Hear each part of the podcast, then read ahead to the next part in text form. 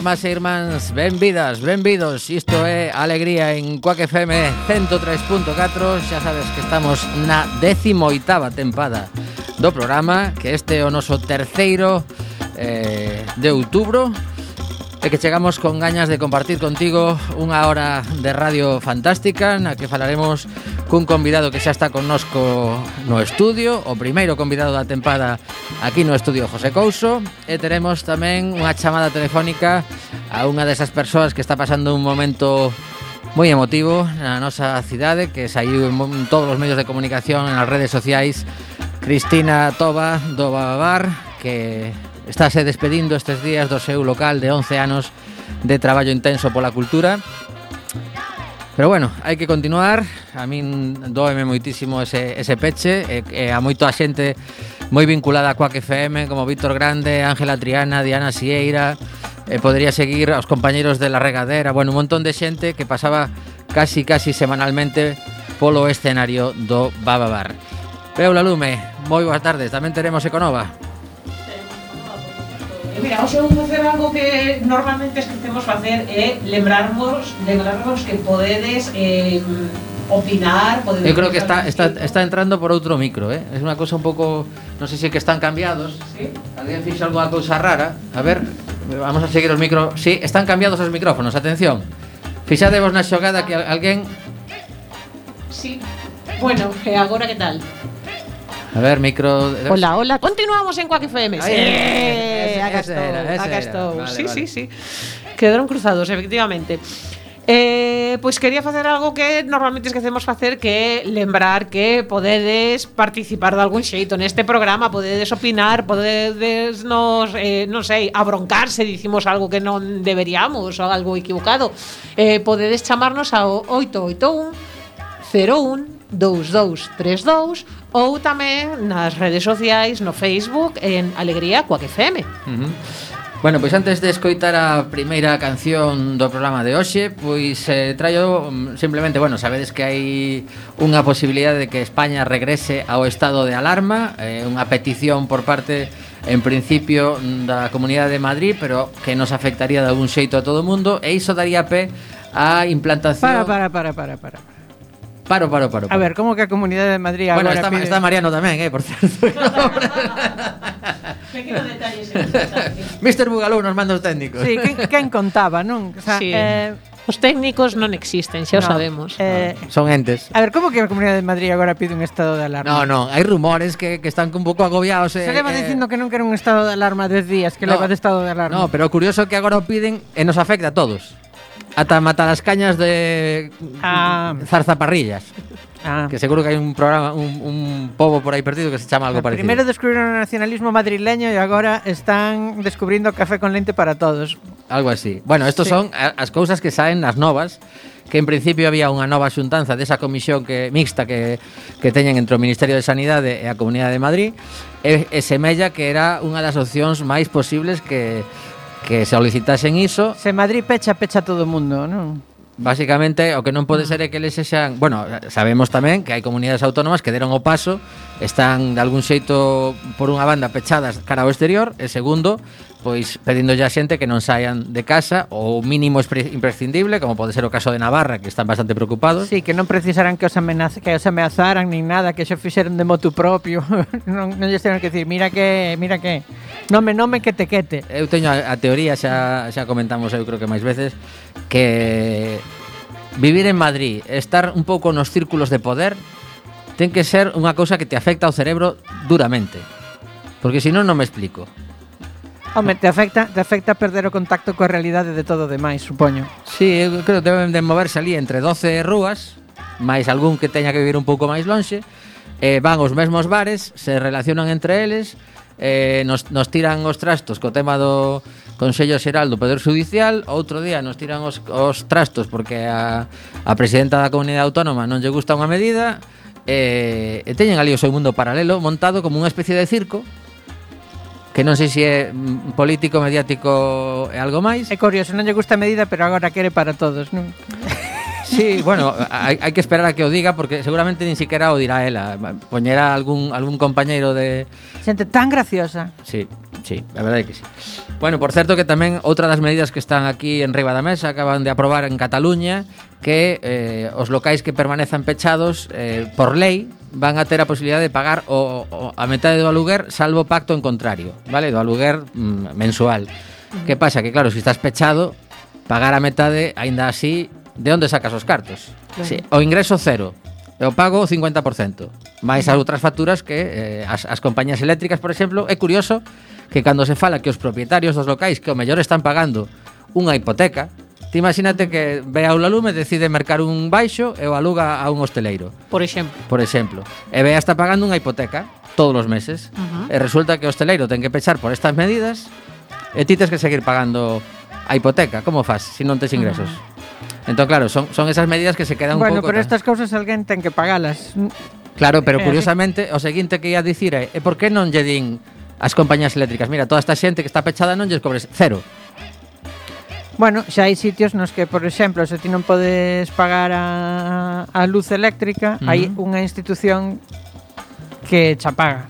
Sí, pero creo que as, as, aos hosteleiros eso non, non lle afecta. Eh? No, é, bueno, máis para consumidor é, final. Eh? para, claro, pero quero dicir, eh, cando se para a economía, o que ten é que alguén ten que pagar a conta. Se non a paga o, o, arrendado, o, arrendato, o arrendatario a vai ter que pagar o arrendador e senón vai ter que pagar o, o sector público. Home, no caso de hipoteca poderíamos chegar aos bancos, non sei se se está facendo algo ao respecto. Sí, a ver, hai moratorias, pero unha moratoria supón que durante un tempo non pagas, pero claro. pero o pufo vais acumulando. Uh -huh. Bueno, pero aí hai un botón de pausa, eh? no outro non hai tanto botón de pausa, claro. niso sí. Claro, aquí, bueno, o, te, o tema do, dos suministros, pois eh, eu creo que tamén sería un tema a tocar, sobre todo se si as compañías son eh, estas mm, que coñecemos que normalmente dan beneficios multimillonarios. Por outro lado está o asunto de que se tiramos de se tiramos de moratorias, se tiramos de de ERTEs fortemente eh, fortemente protegidos, se, seguimos tirando de todo ese tipo, ese tipo de ferramenta que a mí me parece francamente ben que se tire, ¿no? Eh, ten un límite tamén.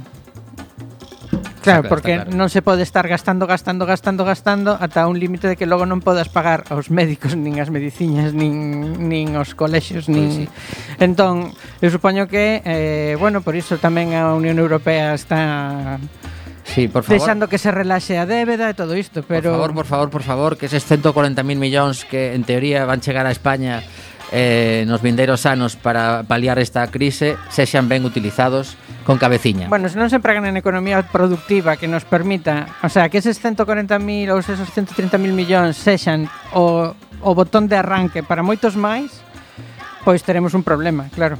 O. Pero é do que se trata, non? De, de investilos en... Bueno, de feito a xenda, non? Según, uh -huh. según teño lido, a xenda é... Eh, Pois investir na digitalización, que se supón que vai vai facer máis competitivos os sectores produtivos por un lado e por outro lado tamén as renováveis, non? Eh, que todos sabemos que temos un potencial de crecemento de crecemento aí bastante importante.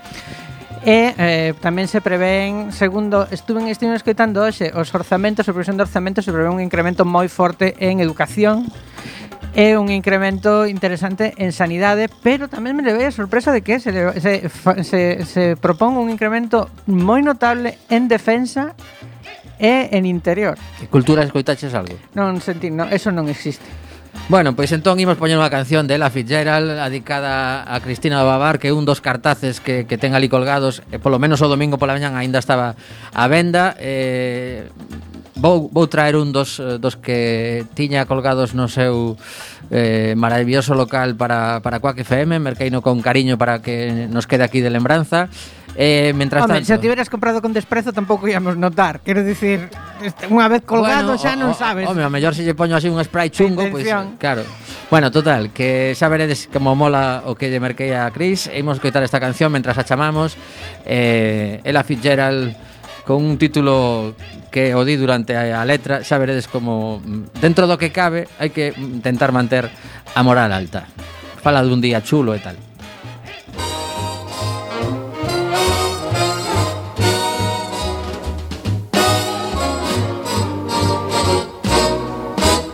It's a lovely day today.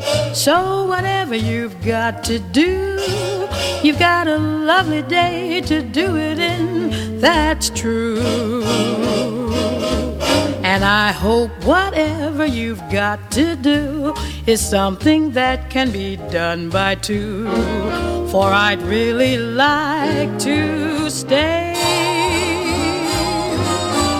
It's a lovely day today, and whatever you've got to do, I'd be so happy to be doing it with you.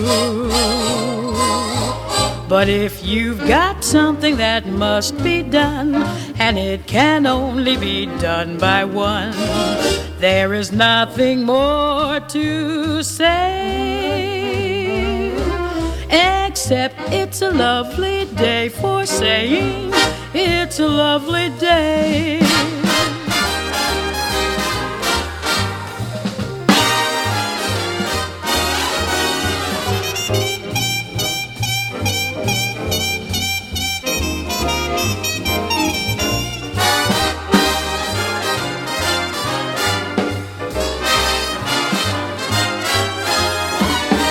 I'd really like to stay.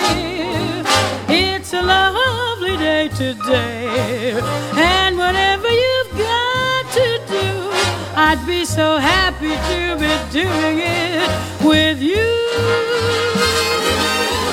But if you've got something that must be done, and it can only be done by one, there is nothing more.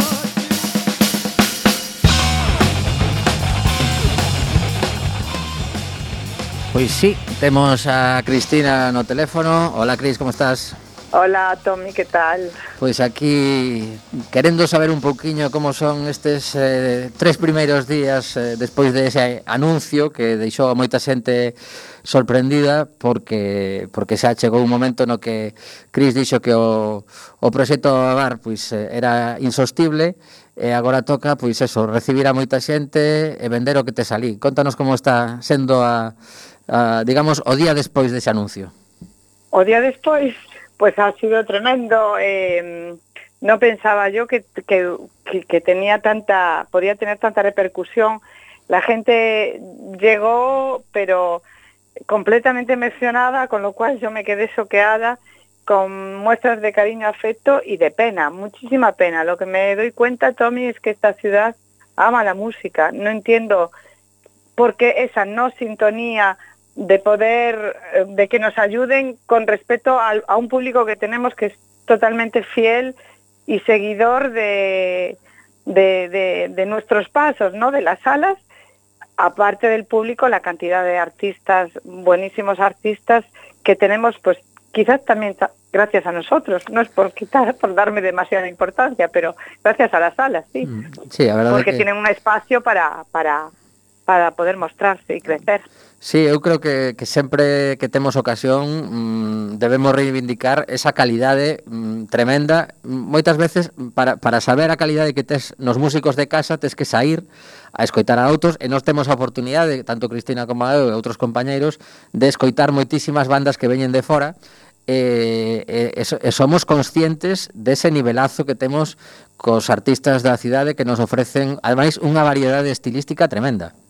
Tremenda, tremenda. Hay muchísima, muchísima oferta, pero muchísimos buenos músicos y actores también, ¿por qué no? Eh, estamos todos en el mismo paquete. Y bueno, la prueba de ellos han sido todos los artistas que han pasado por la sala y bueno, y, y que lamentan enormemente el hecho de que una sala más caiga. Digo más porque en España están cayendo bastante Sí. y, y espero que por suerte no caigan más eh, en nuestra ciudad. Pois, a ver, a ver si, si logramos que non que non sexan máis, pero bueno.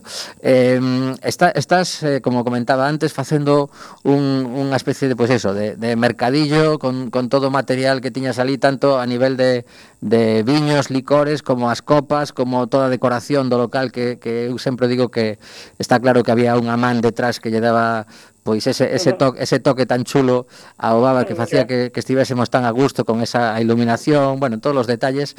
Eh, no, non sei se o piano tamén vai no, no pack. También va, es que, a ver, la idea surgió porque mm, cuando ya antes de anunciar, un día antes fui allí y digo, pero todo lo que tengo aquí, ¿cómo hago? ¿Cómo hago? Y lo, y lo tengo que sacar ya porque yo no puedo permanecer un mes más porque, bueno, si me voy es por esta presión económica que nos está asfixiando. Entonces dije yo, bueno, si lo pongo por Wallapop me paso toda la vida vendiendo el baba, lo cual va a ser muy duro también. Y, se me ocurrió esta idea, la gente ha reaccionado, pero más que comprar algo vienen a, quedarse con un trocito del baba, Tommy, que es eso es lo que me, me, me toca realmente el corazón. Es impresionante.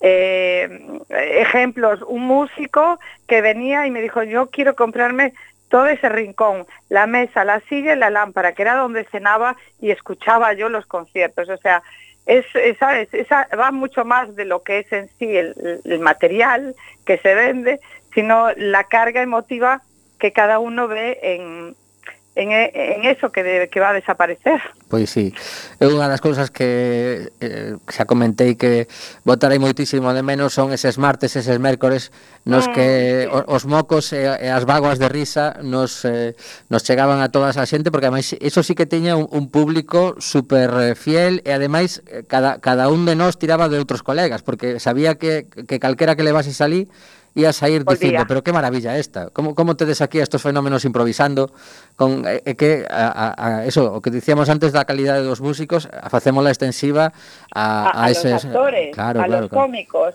Esto fue un, desde un proyecto desde muy que, que, que creció aquí, nació aquí y, y creció y se fue y expandió.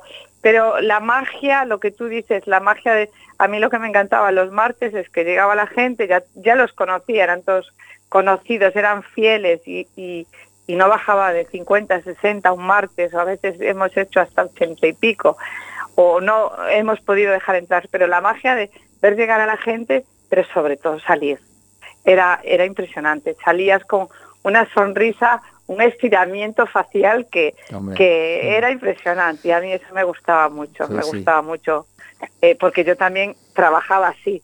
A veces no podía atender, pero había un momento que me ponía en la barra y escuchaba y, y durante años y cada vez que ponía atención me sacaba la carcajada, no Sí, podía sí. evitarlo. Sí. Era muy mágico, la verdad, sí. sí.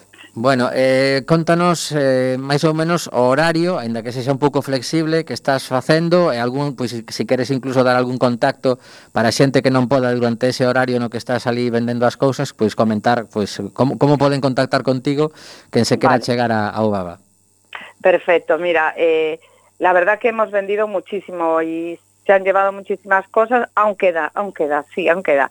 Eh, mm, yo he tenido un- unos pequeños problemas porque como estoy un poco como cerrando, bueno, estoy un poco cerrando, no te, estoy, estoy cerrando, tengo un montón de trámites que hacer, entonces hemos decidido que hasta el fin de semana, o sea, lo que va a ser sábado y domingo, no, volveremos, no volveremos a abrir en este horario regular. Ajá. El horario va a ser de 12 a 2 y media y de, de 7 a 9 y media, sábado y domingo.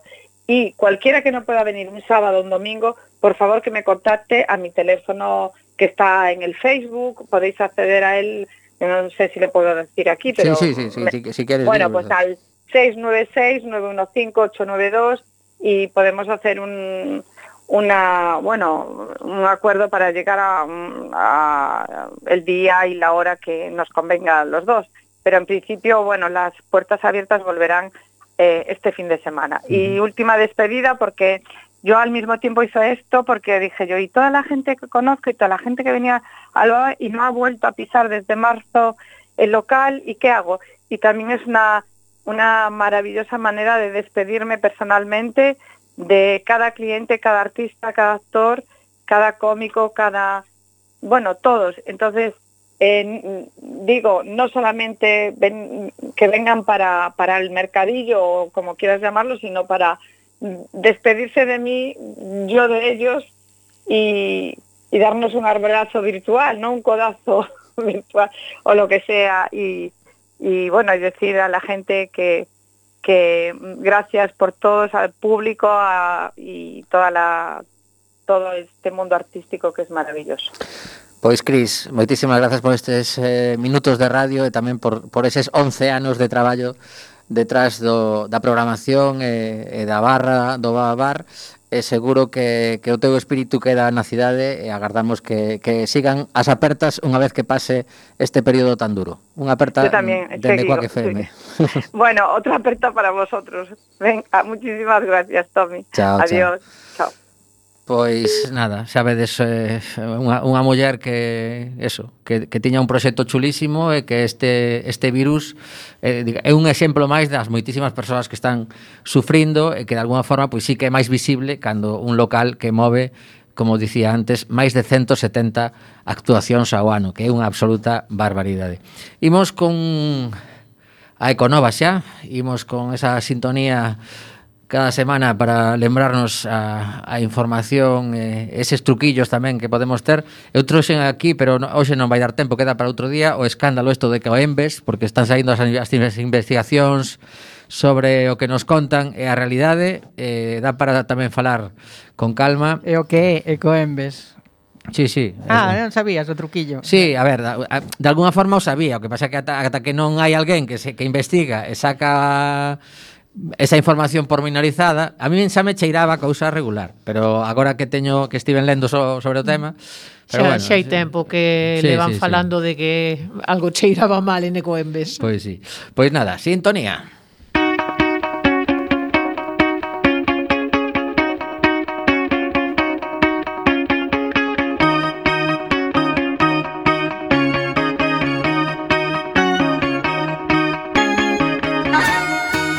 Continuamos en Cuac FM 103.4 no teu día le estás escoitando Alegría e chegamos ao apartado da Econova cando son as 6 e 23 minutos deste 20 de outubro de 2020. Xa sabes que se non estamos neste día nesta hora e que nos encontramos en redifusión.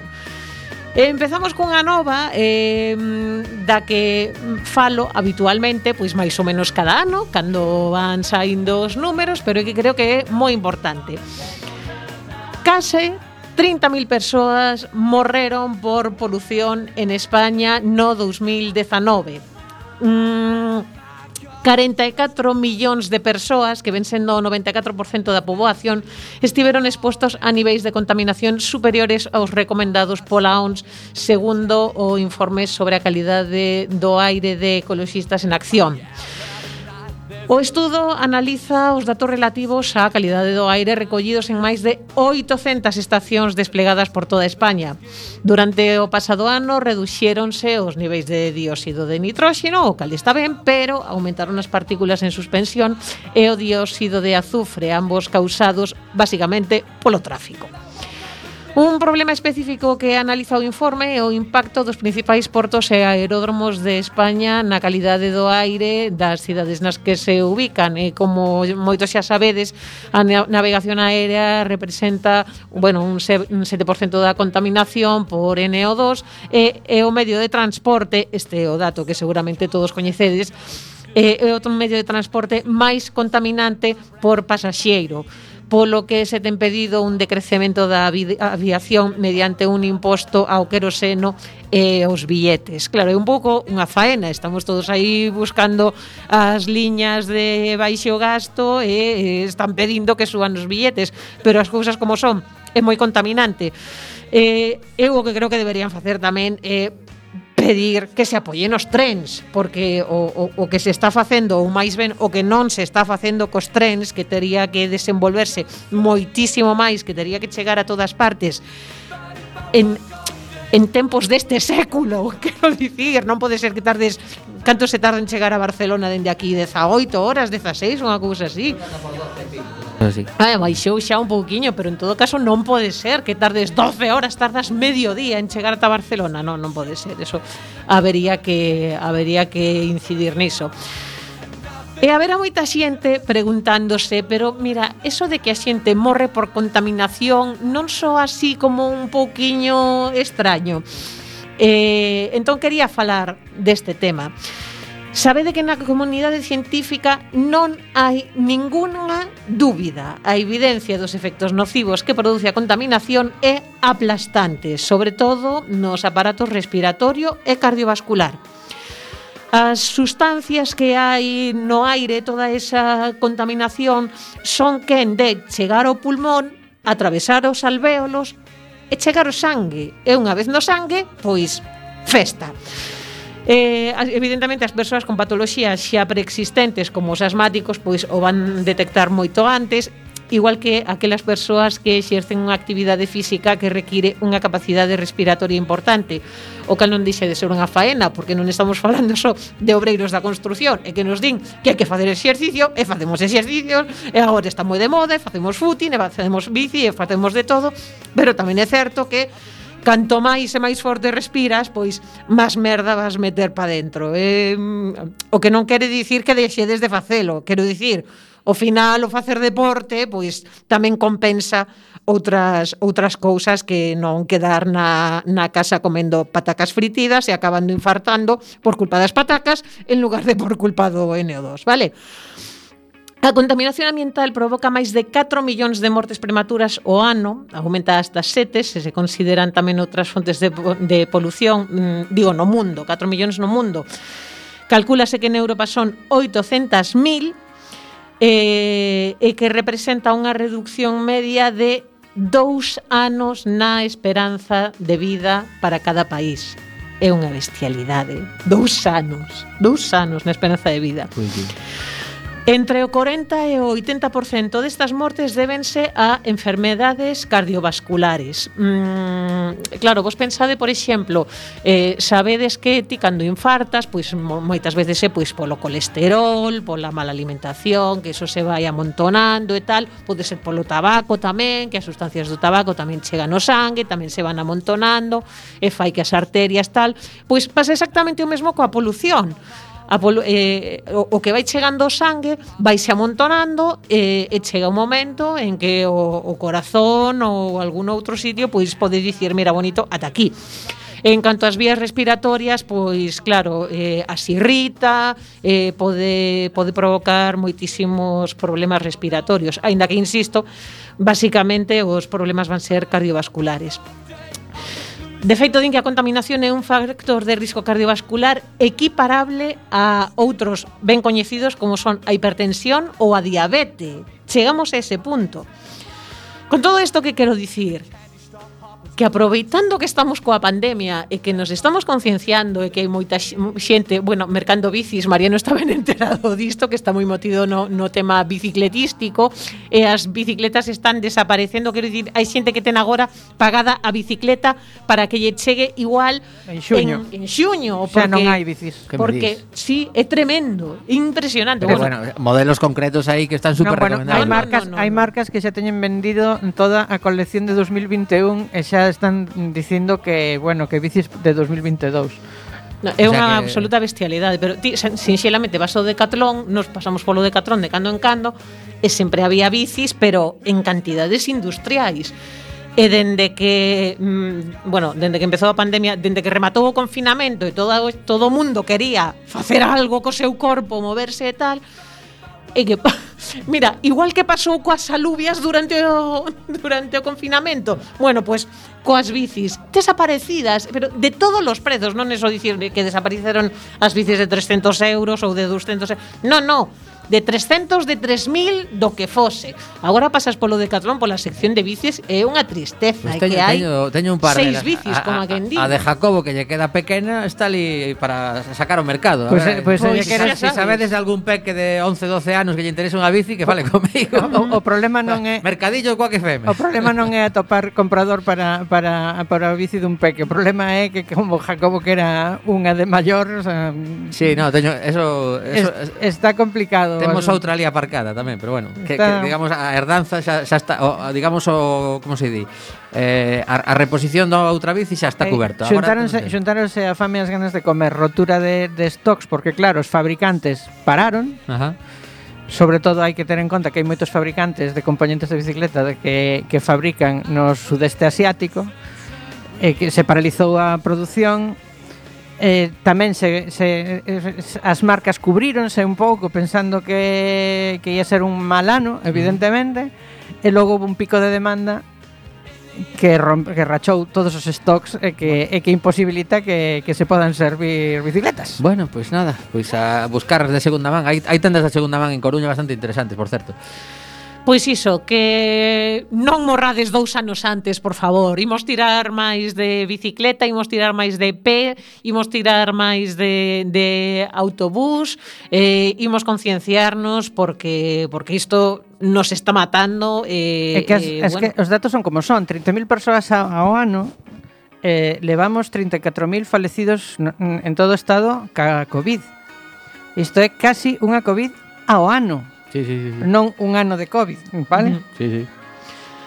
Como vemos de tempo? Pois eh, casi rematamos, eh, se tes algunha okay. cousa así urxente que contar. Non. Pois... Podemos deixalo para a semana que ven. Veña, pois estreamos unha canción dunha coruñesa que se chama Belén Tajes, que acaba de sacar o seu primeiro disco, eh, parte en castelán e parte en galego. Esta titúlase o seu primeiro single sacado hai dous días nada máis, titúlase Pájaro Negro e comenzamos a conversa con noso convidado de hoxe, que o estamos mantendo aquí eh, agochado, pero xa veredes que é interesante o que nos ten que contar. A ver, pasou aí. Belentajes, Pájaro Negro.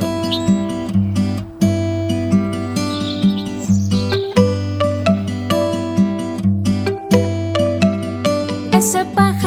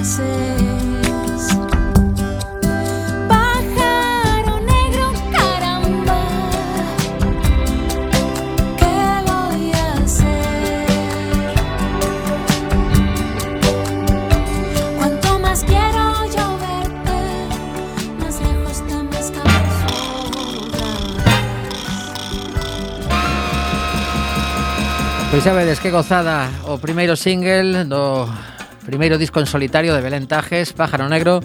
Buscadeo que está o vídeo en, en Youtube, ten unha colaboración dunha persoa que coñeces segurísimo.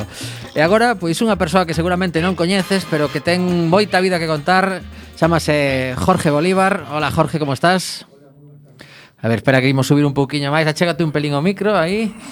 Agora?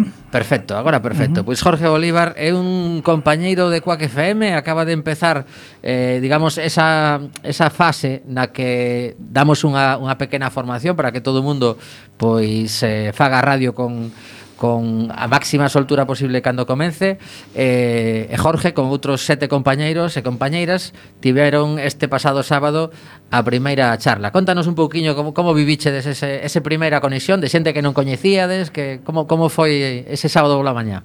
En principio foi unha, unha charla interesante porque se conoce gente que uno no, no ha visto en la vida y muy bien llevado de la mano por la persona que hizo la... la a nuestra compañera Paula. Paula, fantástico, eh, muy ameno, muy cordial y bueno, en un principio se, se nos mostró un poco el funcionamiento de, de, de, la, radio. Uh -huh. Uh -huh. Pois nada, quedanlle aínda dous módulos máis, pero imos aproveitar este tempo porque Jorge pasou a semana pasada, estivo eh, visitándonos xusto cando rematamos a alegría, empezou a contarme un pouquiño a súa peripecia vital e dixen, bueno, fai un par de semanas xa, e dixen, este, este home ten que pasar por alegría para contarnos historias. Onde naces? Eh, yo soy nacido en, en, una localidad muy pequeñita que se llama Rojas, en la provincia de Buenos Aires, en Argentina. Uh -huh. Este, de allí, por una cuestión de sustento, por una cuestión laboral, mis padres decidieron trasladarse a una ciudad que se llama San Nicolás de los Arroyos, Ajá. que está a 270 kilómetros al norte de la capital de Buenos Aires. Una ciudad pura y netamente industrial. En aquel momento se estaban eh, inaugurando nuevas industrias, entonces la población se, se, acercaba a ese lugar y se iba sentando en el lugar. Hoy día es una ciudad de 160.000 habitantes y bueno, pujante y, y, y, llena de vida. Ajá. ¿Y volviste a tu localidad de infancia en los últimos 15 años? Sí, sí, yo vuelvo, vuelvo. Sí, tuve el, el año pasado, en el mes de octubre, estuvimos allí, tuve un mes, sí, porque tengo allí mi familia, sí, tengo mi madre que aún, que aún la tengo dando vueltas. Ella, ella regresó al pueblo, digamos. No, no, no, ellos siguen viviendo en San Nicolás. Ajá, vale, San vale, Nicolás vale. de los Arroyos siguen viviendo allí, sí. Ajá. Pasa que, bueno, allí la, en aquel momento la, la vida era una, una, una, línea a continuar, o sea, nacías, tenías que estudiar, eh, tenías que ser dentro de lo que las industrias de alrededor necesitaban, o, o técnico mecánico, o, o, ingeniero mecánico, ingeniero eléctrico, lo que fuese, porque lo que la industria consumía en ese momento, de ahí ir a la fábrica, trabajar tu vida en la fábrica, jubilarte y ya está, uh -huh. eso era todo. ¿Y era, eran horarios eh, llevaderos o eran muchas horas cada día? No, no, no, no, no, o sea, con un régimen normal, este, en una época que se trabajaba en régimen normal todavía, de ocho horas y todo aquello, sí. Uh -huh.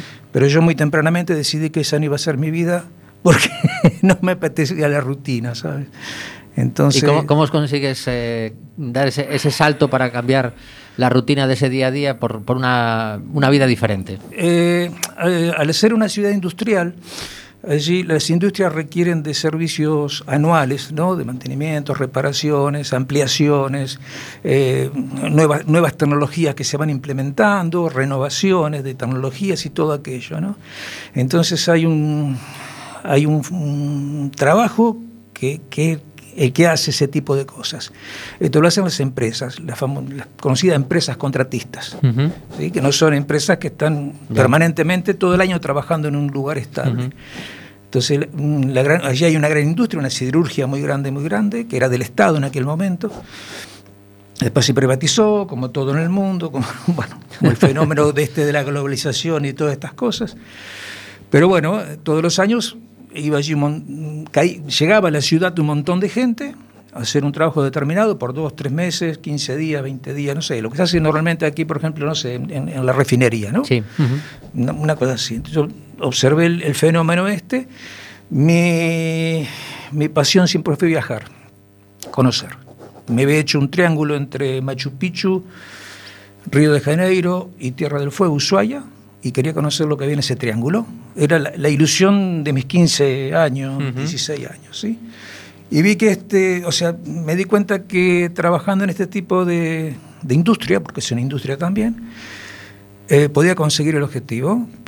Te llevan, las empresas a uno lo llevan, lo trasladan, le dan de vivir, le dan, bueno, le pagan un sueldo, uno hace el trabajo, empieza, termina y a otro lado a otra cosa nueva. Ajá. Y así empecé. Empecé, mi primer trabajo fue en una acería, después de ahí seguimos eh, ya trasladándonos fuera de la ciudad con 20 añitos, 21 añitos, este, a otra ciudad también dentro de, de- de- de Argentina y así poco a poco y bueno, el país de punta a punta, norte, sur, este, oeste. Y llega un momento en el que Jorge decide volar y conocer más mundos y empiezas a trabajar, eh, lle- me, me habías eh, comentado que en más de 20 países. Sí, llevamos trabajado en, en- sí, llevo trabajado en, en muchos, en muchos países, sí, de verdad. Que no es lo mismo que visitar un lugar este, nueve, eh, siete noches, nueve días, ¿no? Con, con pulserita. O sea, Sí, sí, sí, lo, sí. Los, los, lo, lo que uno quiere conociendo la zona, conociendo los lugares, es otro tipo de experiencia, ¿no? Que queda un poco más marcada.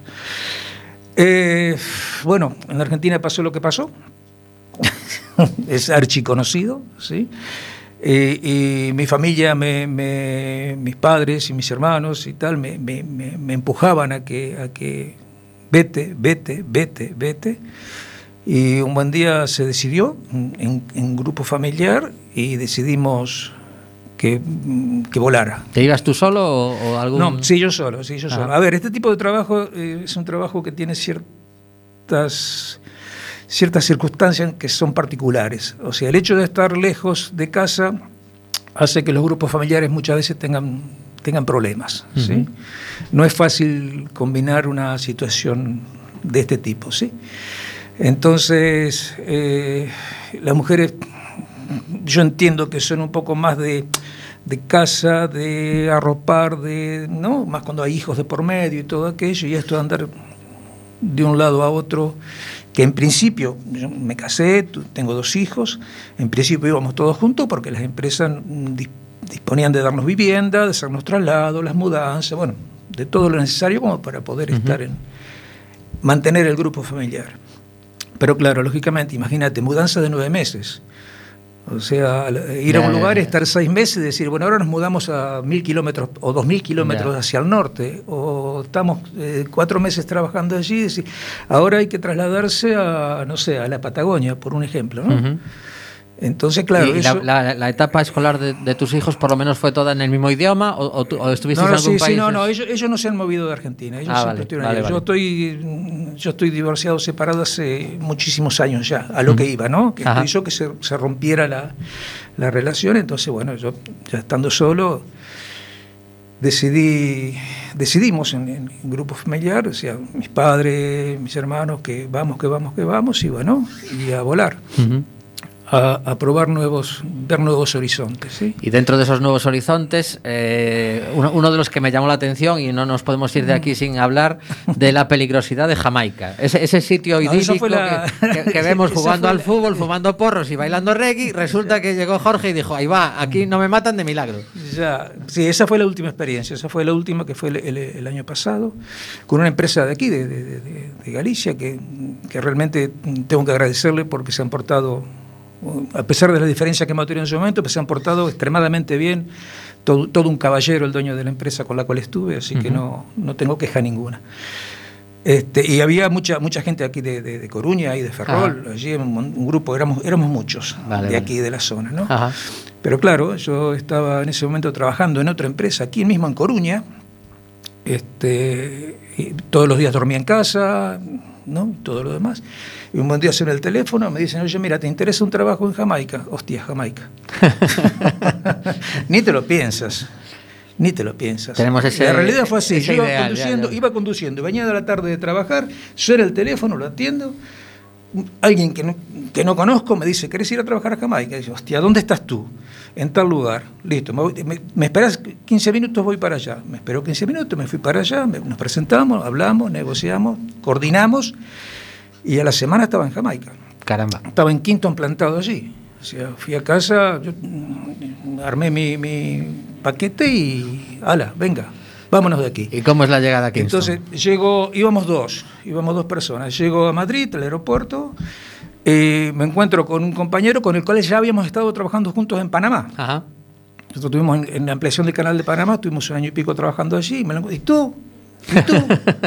¿De dónde vas tú? Yo Ah, ¿había buen rollo? Es importante. Pues vamos juntos. Pues había sido que, bueno, que, que- que vamos juntos. Un chiquito de, de Jaén, excelente persona. Pues llegamos al lugar, muy bien, todo muy, muy normalito. Nos instalan en un, en un barrio eh, en un barrio cerrado, un barrio, bueno, con seguridad y todo lo demás. Un, piso para nosotros dos, todo perfecto. Eh, primera noche, primer día bien, segundo día bien, tercer día tiros. Digo, hostia, ¿qué pasa aquí? O sea, tiros, tiros de, de muchos. Pero no un tiro de No, No, no, no, no, muchos tiros. Me- así, metralleta, Por, por la calle. hablar de ¿no? metralleta. Una cosa que decís, hostia, macho, ¿qué está pasando aquí? ¿Qué está pasando aquí? Estamos hablando de, de Kingston Capital. Quinton ¿no? Capital. Ujú. Sí, no estamos hablando de la Jamaica, de, de- de las playitas y de todo. Estamos hablando de la ciudad de Quinton. Ujú. Claro, eh, allí está muy marcado, muy marcado el- el- el- el rico rico, el pobre pobre, ¿no? Extremadamente marcado. Y el pobre pobre es pobre pobre, pobre de verdad. ¿Entiendes? Pobre de muchísimas chabolas, muchísima gente con muchas carencias, con muchos problemas. Me llamó la atención la cantidad de iglesias que hay en, ese, en esa ciudad. Es increíble la cantidad de iglesias de, to- de, todas, las, de, de- todas las formas que te puedas imaginar. Eh, bien, el fenómeno se presenta así, a ver cómo continúa esto. Eh, dentro de, a ver, la, la- la faz, nosotros estamos protegidos en cierta forma por las empresas, ¿no? Ujú. O sea, protegidos quiero decir, o sea, no- nos trasladaban en, en autobuses desde, nos nos pasaban acá por la puerta de casa, nos llevaban hasta la puerta del trabajo, hasta dentro del trabajo mismo. Allí, bueno, casi todos españoles, este, todo un poco controlado, mucha seguridad. Eh, mucha gente local trabajando con nosotros, entonces Ujú. ahí es donde empieza la interrelación, ¿no? Entre, entre, entre la gente, entre el- el- la gente que vive, que es de Jamaica, nacidos y criados, y, y los que venimos de afuera. Este, tuvimos un problema, hubo un problema allí muy grave, muy grave. O sea, teníamos una, una chica, pobrecita, Nancy, una chica cubana, bueno, 55 años, una chica cubana que era la enfermera. Dentro del, del, del lugar donde estábamos había una enfermería, porque lógicamente son trabajos que tienen cierto riesgo, ¿no? Ujú. Y un buen día estábamos todo el mundo trabajando, a las 3 de la tarde, paren, paren, paren, paren, nos vamos, nos vamos, ¿qué pasó, qué pasó? Pues el chofer de la ambulancia había degollado, literalmente, cortado el cuello dentro de, de la zona de trabajo a la, a la enfermera. Por un problema, Que no, Dios, Dios sabe por qué, Dios sabe por qué. Caramba. Entonces, claro, es un poco como que uno abre los ojos, ¿no? Dice, hostia, ¿dónde estamos? Al poco tiempo, uno de los, de los, de los jefes, el, el- jefe, el encargado del montaje eléctrico de, la empresa madre, eh, también le asaltan la casa, le pegan unas puñaladas dentro de- del piso, un piso dentro de un barrio cerrado y, y protegido, ¿no? Entonces, claro, acá hay que mirar la vida de otra manera Totalmente. hay que mirar la vida de otra manera. Entonces, o salir por las calles y la gente por ahí te paraba, una señora con un bolso decía, oye, no lleves el móvil en la mano porque te lo van a robar. Eh, ten cuidado en este lugar porque, ¿no? Claro, porque realmente con, con esto que nos cuentas, eh, salir de esa vida protegida, de ese, de ese apartamento que os ponía la empresa y del trayecto de, de allí a- al trabajo, mm, hacer algo por tu cuenta era casi impensable. Eh, impensable no, hacer se hacían, porque, hombre, a ver, llega un momento, un día, otro día, otro día, otro día, momento a ver, ¿qué está pasando? ¿Qué pasa un fin de semana? Ver, ¿Qué- ver qué- qué haces un fin de ¿Qué- semana allí, por ¿Por qué no puedo yo salir para allí con Ya. cuidado y todo lo demás?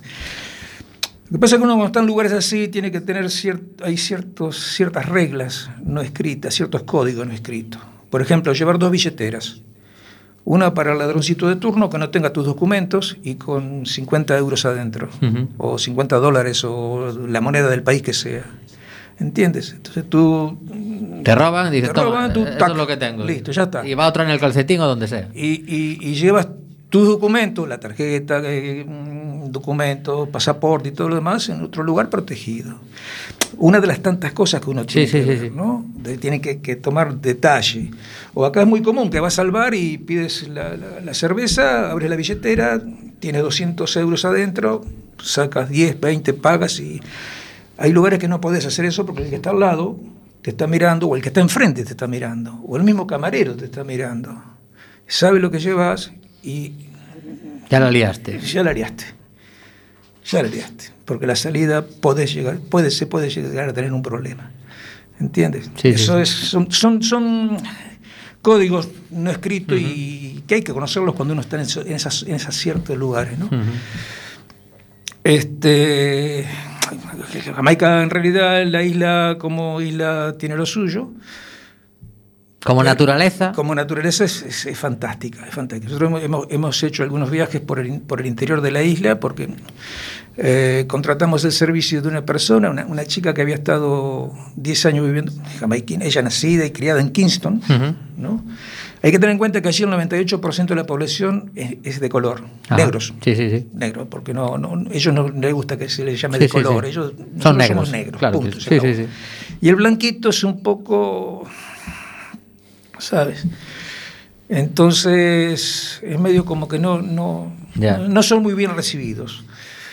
Este, entonces contratamos el servicio de esta chica y esta chica eh, no- nos llevaba a turistear, ¿no? Pero por ejemplo, iba a lugares eh, donde ella se bajaba del auto, alquilábamos un auto y tal, ella se bajaba del auto, iba primero y negociaba para que podamos entrar a conocer, ¿no? Este, es interesante, es interesante. Este, Vamos a hacer una cosa, como esto, esto da para muchísimo, porque son, son años y años de trabajo fuera, para, para cerrar de alguna forma la entrevista, nos vamos a ir a un país en el que hayas estado trabajando y, y- y te hayas vuelto diciendo qué a gusto hemos estado aquí, qué maravilla de país, qué organización, qué, qué buena gente. Eh, Venga, para dejarme ver. buen sabor de boca. A ver, el buen sabor de boca obviamente está en España. Si hemos decidido, yo he decidido vivir en España, España es, es fantástica. Realmente los españoles no tienen ni idea del país que tienen. Que me perdonen lo que si a alguien no le cae Ya, mal. nosotros que estamos aquí todo el mundo di- diciendo Pero- menudo pero- desastre. No, no, a ver, que No, sí, que sí, que sí. Un poquito de moral, un poquito de El, moral. term- el término, el ter- a ver, todo, el- todo lo que está pasando, lo político y todo lo demás, déjalo de lado, déjalo aparte, como país, como Ujú. país. Realmente es un país maravilloso, maravilloso. Por donde lo mires, la naturaleza, la geografía, eh, el clima, ¿qué quieres? Playa, tiene playa, ¿qué quieres? Mar duro, te vas al norte, quieres un, un plato de, de aceite, te vas al Mediterráneo, Eh, montaña, alta montaña, ¿qué quieres? ¿Qué quieres? La gastronomía, la cultura, vaya por Dios, vaya por Dios. La cultura, la cultura gallega. Esto, esto, esto es fascinante. Para los que somos de afuera o que tenemos otra óptica para ver las cosas, esto es fascinante. O sea, escucharlo a Carlos Núñez en un, en un- en un- en un recital es una cosa que se te pone los pelos de punta. ¿Entiendes? Para los que venimos de Sí, sí, sí, sí. sí. lo que No, no, pasa y es que para- esto- y para mucha gente de aquí también, ¿eh? es que esto es, esto es como aquel señor que está casado con una señora que es muy bonita, muy bonita, ¿sabes? Después de 15 años de matrimonio, este, ya la ve como una cosa de todos los días. Y el vecino es el que se está frotando las manos, ¿entiendes? Viendo qué cosa más. ¿Entiendes? Esto es así. Yo creo que se debería. ¿Y tú, una, una- una vez que llegaste a España, eh, fue todo tu, tu estancia en Galicia o has conocido varias partes de España? No, a España la conozco casi toda. Ajá. Me falta muy poco, muy poco por conocer. Esta, esta, o sea, esta charla es un poco así, eh, en crudo, digamos así, ¿no? Pero bueno, tenemos para fundamentar y todo Sí, lo demás. sí. este, No, un cuando, de cuando- documentos, cuando te- fotos cuando tengas programa, pues... España la hemos recorrido prácticamente todo, porque hacia España hubo un momento que había muchísimo trabajo para, para nuestra, nuestra, nuestra función. ¿sí? Eh, era que, que Extremadura, que, que la zona de, de Cádiz, que Sevilla, que Valencia, la comunidad valenciana que es preciosa, que no sé. Y aparte de eso, lo que yo no hago trabajando, pues los- lo hago en mi vida privada, Ujú. ¿entiendes? O sea, cuando tengo, dispongo de tiempo libre, pues carretera, carretera y manta. Estuve un año largo trabajando, en, en, eh, viviendo en Alemania, en, en la, en la ciudad de Bremen, Ujú. y también allí fue muy, inter- muy interesante conocer la vida de los, de los alemanes, ¿no? aquellos que decimos que son fríos y todo lo demás, pues te puedo decir que se divierten tal vez mucho más que nosotros y beben, te puedo garantizar, mucho más que nosotros, pero bueno, bueno, por largo, ¿eh? Sí, por largo, Vale, sí, vale. sí, sí, por largo. Este, una cosa que me llamó la atención, ¿no? Porque uno va con, con, con- con- Sí. con la idea, ¿no? O sea, acá está gente que a, la- a las 9 de la noche está durmiendo, que se levantan a las 6 de la mañana y que... Todo esto son, o sea, desde el punto de vista muy personal, ¿entiendes? No, es, no, es, no es genérico. Pu- Puede decir alguien que estuvo en una ciudad, no sé, y la, la pasó mal y bueno, eh, ¿entiendes? Te digo lo, lo- lo que respecta a lo, lo que yo he visto, lo que he vivido, ¿no? ¿Tuviste la sensación que llegaste a hacer buenos amigos en Alemania? Sí, buenos amigos eh, dejamos en muchos lugares. Ajá. Buenos amigos dejamos en, en casi todos los lugares que vamos. Supongo buenos. que depende mucho también del carácter de la persona a la hora de abrirse a los demás. Sí, sí, tenemos, claro, lógicamente, lógicamente, lógicamente. Lo que pasa es que hay que tener en cuenta que es uno el que se va a meter en la casa del otro, ¿entiendes? Hay mucha, muchos compañeros que muchas veces se equivocan de, de- del lado del mostrador que están, ¿entiendes? Y aquella frasecita célebre de que a la puta calle, estás en su casa, ¿entiendes? Y ellos tienen su cultura, ellos tienen su estilo, sus formas. Respeto. Pues con esa palabra respeto remata nuestra entrevista. Bueno, entrevista, charla amigable con Jorge Bolívar, además con ese apellido, caramba. Pues eso queda para, para otro día. Ah, tenía familia aquí. El bueno de Simón, aquí en Coruña. Pues hablamos de eso otro día porque se nos va el tiempo. Bueno, esto fue Alegría. Llega a nuestros compañeros de Recendo en unos segundos a la parrilla de Cuac FM. Jorge, muchísimas gracias por haberte Nada. acercado a- al estudio. Espero que hayas estado a gusto. Muy, muy, mucho- muy a gusto y muchísimas gracias a ustedes por invitarme. Pues nada, que el martes que viene estamos aquí. ¡Chao! Vicos.